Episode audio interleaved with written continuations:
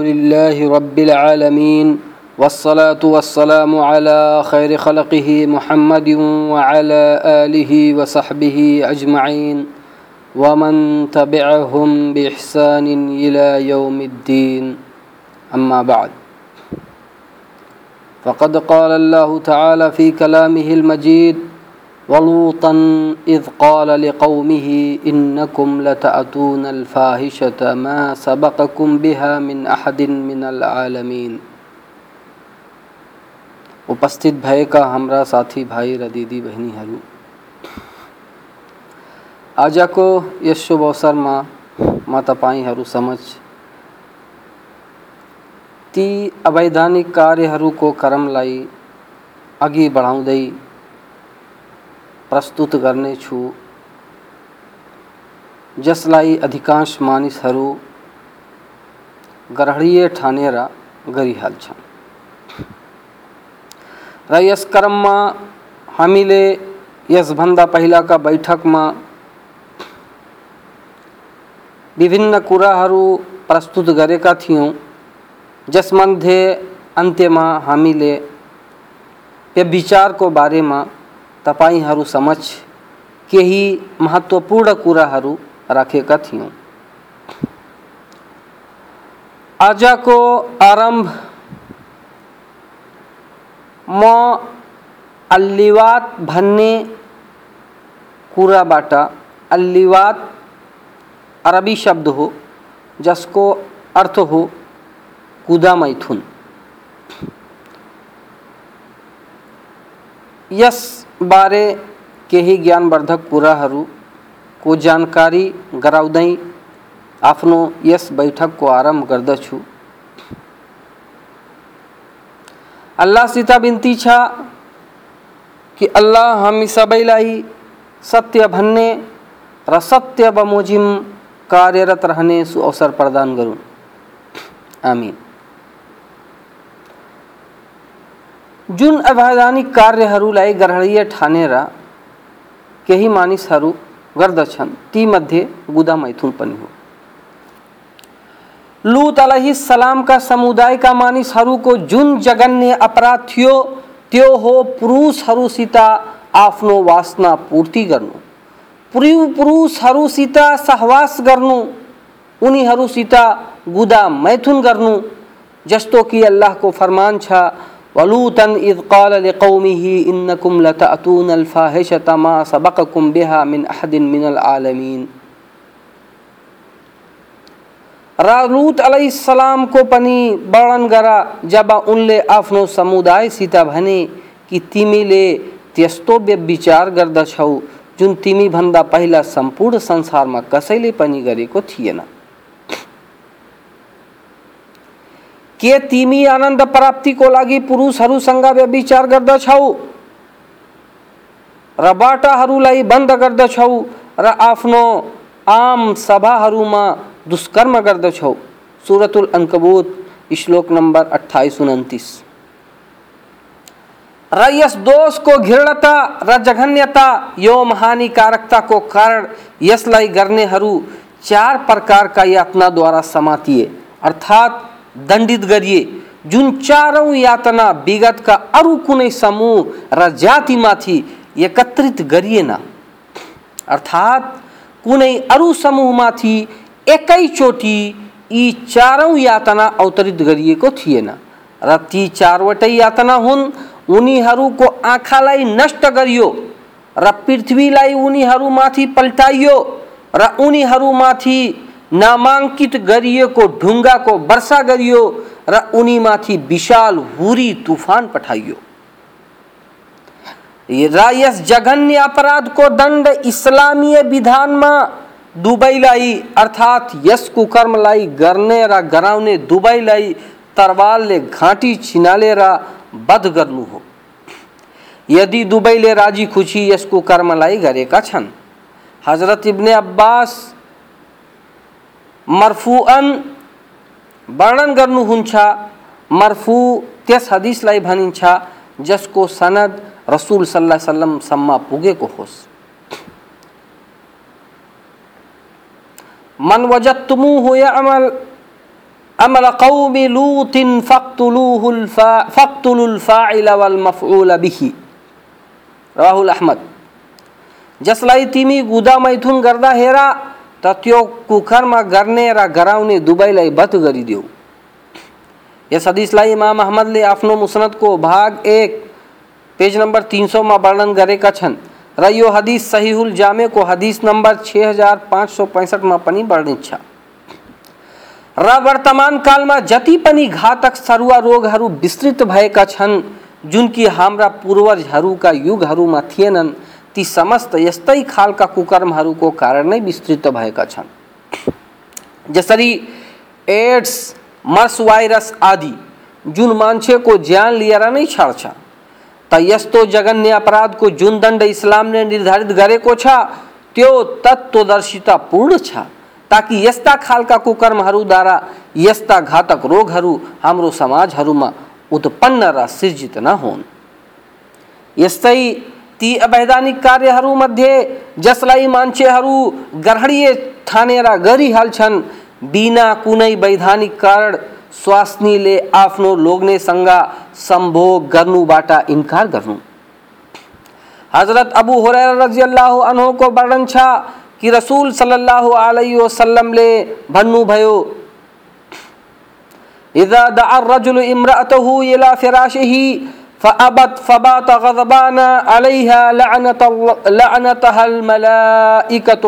हत्ता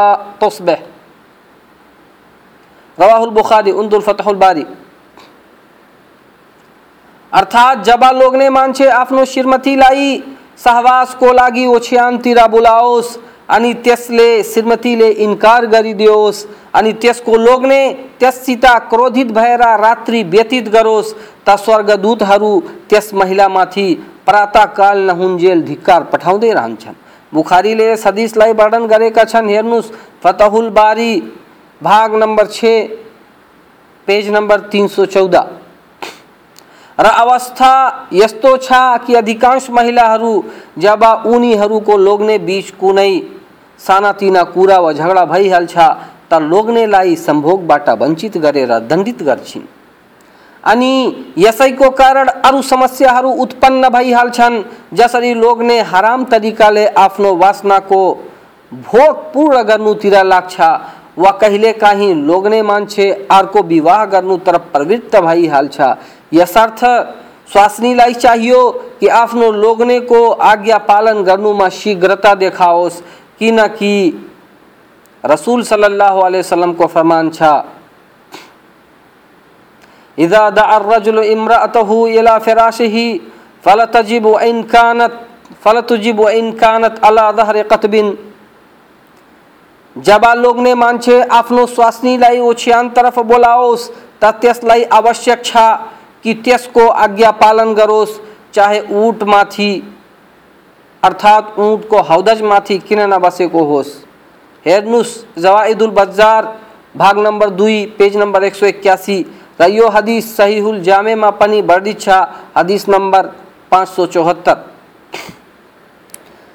र हदिसमा वर्णित कुतुब शब्दको अर्थ हो, त्यो काठी वा हौदज जसलाई ऊँटमाथि सवारी गर्नुको लागि राखिन्छ तर लोग्ने मान्छेलाई पनि उचित यो छ कि यदि स्वास्थ्य बिरामी होस्, वा गर्भवती होस्, वा अरू कारण होस् त त्यसको ख्याल र ध्यान राखोस्, ताकि दुवै बीच मतभेद र बिछोड नहोस् त हाम्रो आफ्नो दिदी बहिनी, र भाइहरूसित यो सादर अनुरोध छ कि इस्लामले तोकेको विधान अनुसार नै जीवन व्यतीत गरून् र स्वास्नीलाई चाहियो कि अनावश्यक आफ्नो लोग्ने नै सहवासबाट वञ्चित नगरोस्।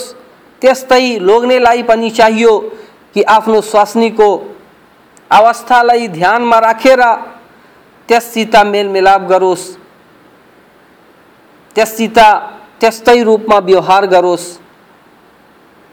अल्लाहसित प्रार्थना छ कि अल्लाह हामीलाई यसको सुअवसर प्रदान गरून्। यस्तै ती अवैधानिक कार्यहरूमध्ये जसलाई अधिकांश मानिसहरू ग्रहणीय ठानेका छन्। यो पनि हो कि कुनै महिला आफ्नो श्रीमान सीता अकारण पार पाचुके अर्थात् तलाक मागोस्। कुनै सानोतिनो कुरा वा झगडा भए बित्तिकै अधिकांश महिलाहरू आफ्नो श्रीमानसित पार पाचुके अर्थात् तलाकको माग गरिहाल्छन्। वा जब लोग्नेले तिनको माग अनुसार रुपैयाँ दिँदैन त तलाक मागिहाल्छिन् तर कतिपय महिलाहरूलाई यस्तो गर्नुको लागि तिनीहरूकी महिला सखी सङ्गातीहरू वा त्यसकी निकट वफन्ती महिलाहरू नै प्रेरित गर्दछिन्।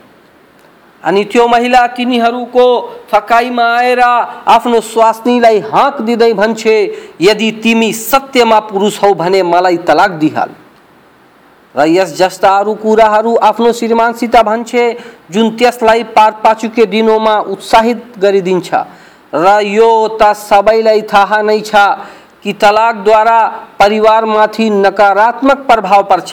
र यसद्वारा पूर्ण परिवार छिन्न भिन्न भइहाल्छ र बच्चाहरू बेघर भइहाल्छन् र महिला आफ्नो यस कुकर्ममाथि पछुतो पनि गर्छे, तर पछुतो तब गर्छे जब पछुतोबाट कुनै लाभ पुग्न सक्दैन। र यसै कारण इस्लामले यस्तो कुकर्म गर्नुबाट मनाही गरेको छ र यसलाई हराम गर्नुमा इस्लामको तत्वदर्शिता प्रदर्शित हुन्छ। सोबान रज़ी अल्लाह को वर्णन छ कि रसूल सल्लल्लाहु अलैहि वसल्लम ले भन्नु भयो, अय्युमा इमरातिन सालत ज़ौजह तलाक मिन गैर मा बअस, फहरामुन अलैहा रायहतुल जन्ना। जुन महिलाले पनि अकारण आफ्नो श्रीमानबाट पार पाचुकेको माग गर्छे त त्यसमाथि स्वर्गको सुगन्ध पनि हराम छ। यस हदिसलाई अहमदले भाग पाँच, पेज नम्बर दुई सौ सत्तरमा वर्णन गरेका छन् र यो सहिहुल जामेको हदिस नम्बर दुई हज़ार सात सौ तिनमा पनि वर्णित छ। र यस्तै उकबा बिन आमिरले पनि मर्फुअन वर्णन गरेका छन् कि रसूल सल्लल्लाहु अलैहि वसल्लमले भन्नुभयो निसन्देह खुला लिने वाली, संबंध विच्छेद गराउने वाली र तलाकको माग गर्ने वालीहरू नै वास्तवमा कपटिनीहरू हुन्। यसलाई तबरानीले कबीरको भाग सत्र पेज तिन सौ उन्तालिसमा वर्णन गरेका छन्। र यो हदिस सहीउल जामेको हदिस नम्बर एक हज़ार नौ सौ चौतिसमा पनि वर्णित छ। तर यदि कुनै वैधानिक कुनै वैधानिक कारण होस्, जसरी लोग्ने नमाज़ पढ्दैन वा धुम्रपान गर्छ, वा महिलालाई हराम कार्य गर्नुमा बाधित गर्छ, वा त्यसमाथि अत्याचार गर्छ, वा त्यसको वैधानिक हक अधिकार पूर्ण गर्दैन, र त्यसलाई उपदेश लाभ दिइरहेको छैन त यस्तो अवस्थामा महिला तलाकको माग गर्न सक्छ। र यस्तो अवस्थामा तलाकको माग गर्नु त्यसको लागि जायज़ कुरो हो, ताकि आफूलाई र आफ्नो धर्मलाई सुरक्षित राखोस्।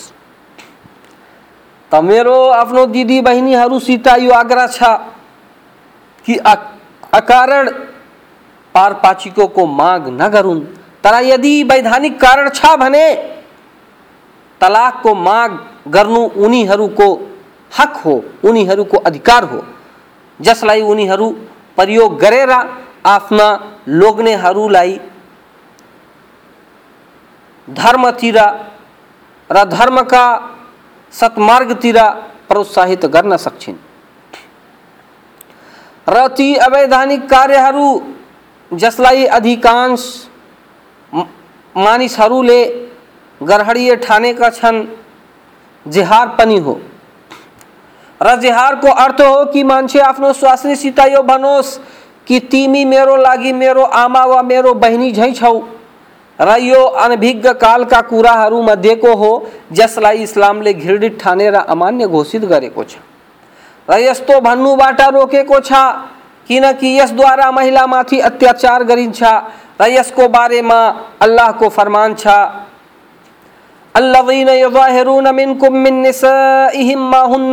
उम्महातिहिम इन उम्महातुहुम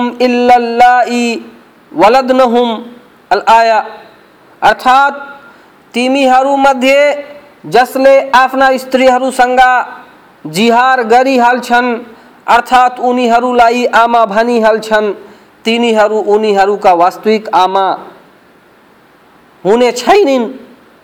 उनीहरूका आमा त ती नै हुन्, जसका पेटबाट उनीहरू जन्मेका छन्।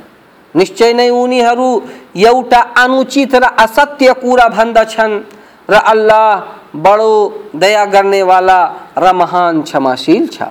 सुरतुल मुजादला, श्लोक नम्बर दुई। त इस्लामीय विधानले यसलाई कतले खता अन्जानमा बध गरेको कर्म सरह रमज़ान महिनाको दिनमा सम्भोग गर्ने दोष सरह ठानेको छ त जिहार गर्ने मान्छेको लागि पनि उपरोक्तका अपराधका लागि तोकिएको दण्डलाई नै यसको दण्ड तोकिएको छ। जस्तो कि अल्लाहको फरमान छ, वल्लदीन युजाहिरून मिन निसाइहिम थुम्म यऊदून लिमा कालू फतहरीरु रकबतिन मिन क़ब्ल अन यतमास्सा ज़ालिकुम तुअज़ून बिही। अल, आया। अर्थात जसले आफ्नो स्त्रीहरूलाई आमा भनी हाल्छन् अनि आफ्नो भनाइतिर पश्चाताप गर्छन् भने उनीहरू पुनः सहवास गर्नुभन्दा पहिला एउटा दास मुक्त गर्नु अनिवार्य छ। यसबाट तिमीलाई उपदेश गरिन्छ र तिमीले जे गर्दछौ, अल्लाहलाई सबै थाहा छ। हो, जसलाई दास प्राप्त हुँदैन, त्यसले सहवासभन्दा पहिला निरन्तर दुई महिनासम्म व्रत बसोस्। र जसलाई यसको पनि सामर्थ्य छैन। त त्यसले साठी गरिब पारिश्रितहरूलाई भोजन गराओस्। यो यस कारण हो ताकि तिमी अल्लाह र उसको रसुलको आज्ञाकारी बना। यी अल्लाहद्वारा निर्धारित सीमाहरू हुन्। र नमान्नेहरूको निम्ति कष्टदायक यातना छ। सुरतुल मुजादला, श्लोक नम्बर तिन र चार। त हामीहरूलाई चाहियो कि हामीहरू आफ्नो स्वास्नीहरूलाई यस्ता उपाधिहरूबाट सम्बोधित नगरौँ, किनकि यो इस्लाममा हराम छ। यस्तै ती अवैधानिक कार्यहरूमध्ये, जसलाई अधिकांश मानिसहरूले ग्रहणीय ठानेका छन् र जसोलाको अवस्थामा महिलासित सहवास गर्नु।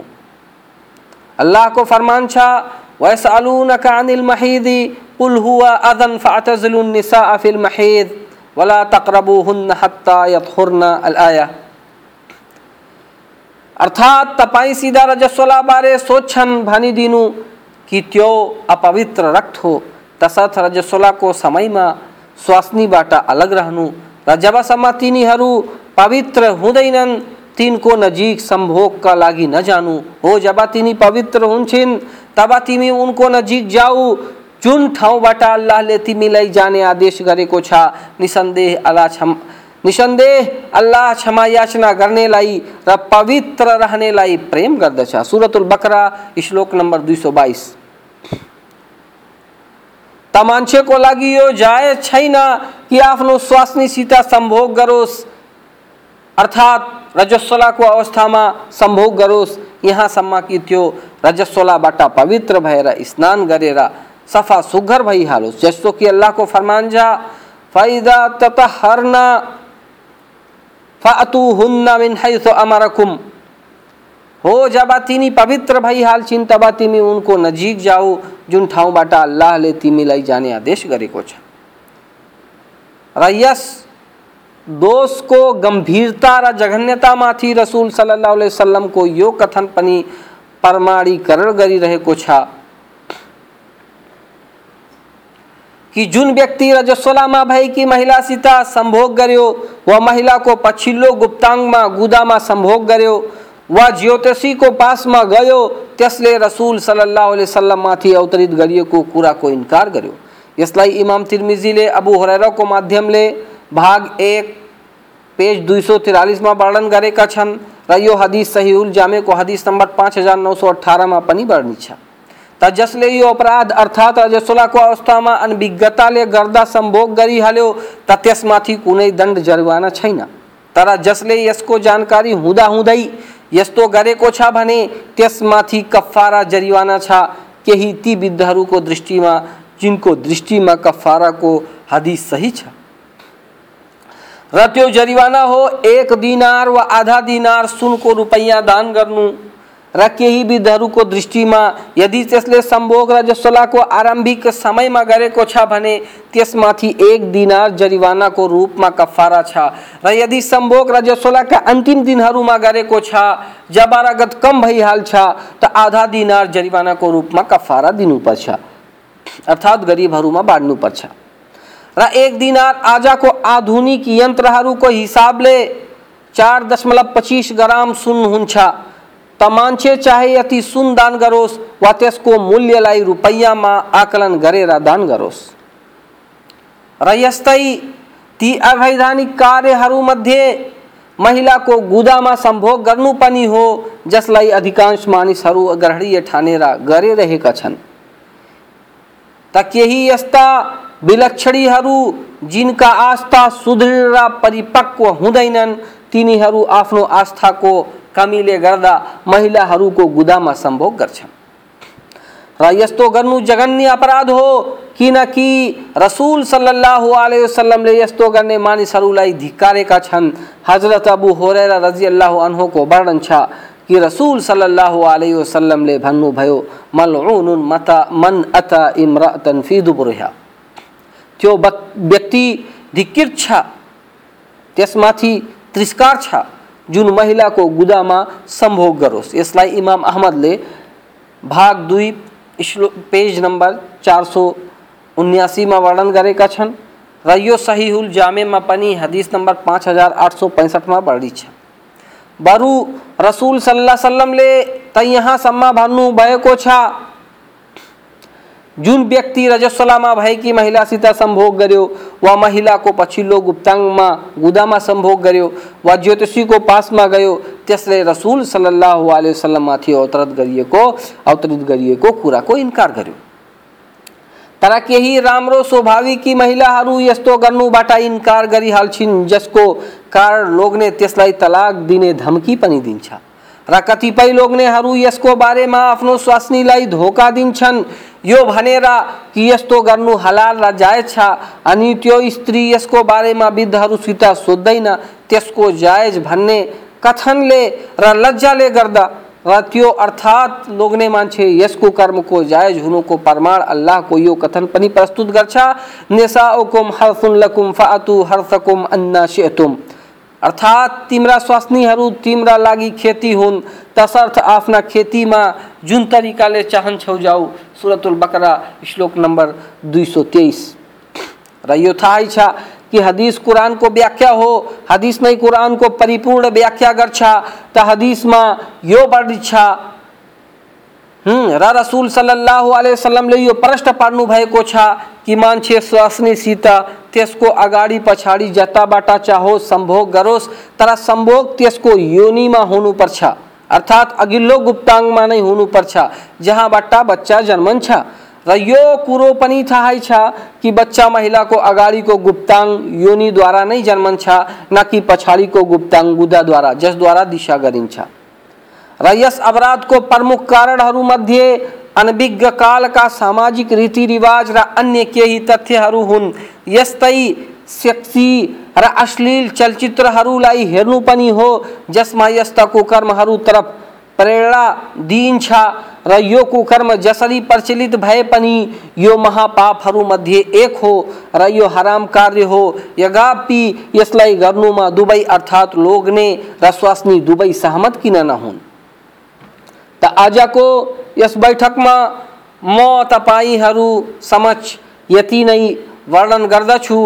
र बैठकहरूमा म अरू ती वैधानिक अवैधानिक कार्यहरू, जसलाई अधिकांश मानिसहरू ग्रहणीय ठानेर गर्दै छन्, त्यसलाई वर्णन गर्नेछु।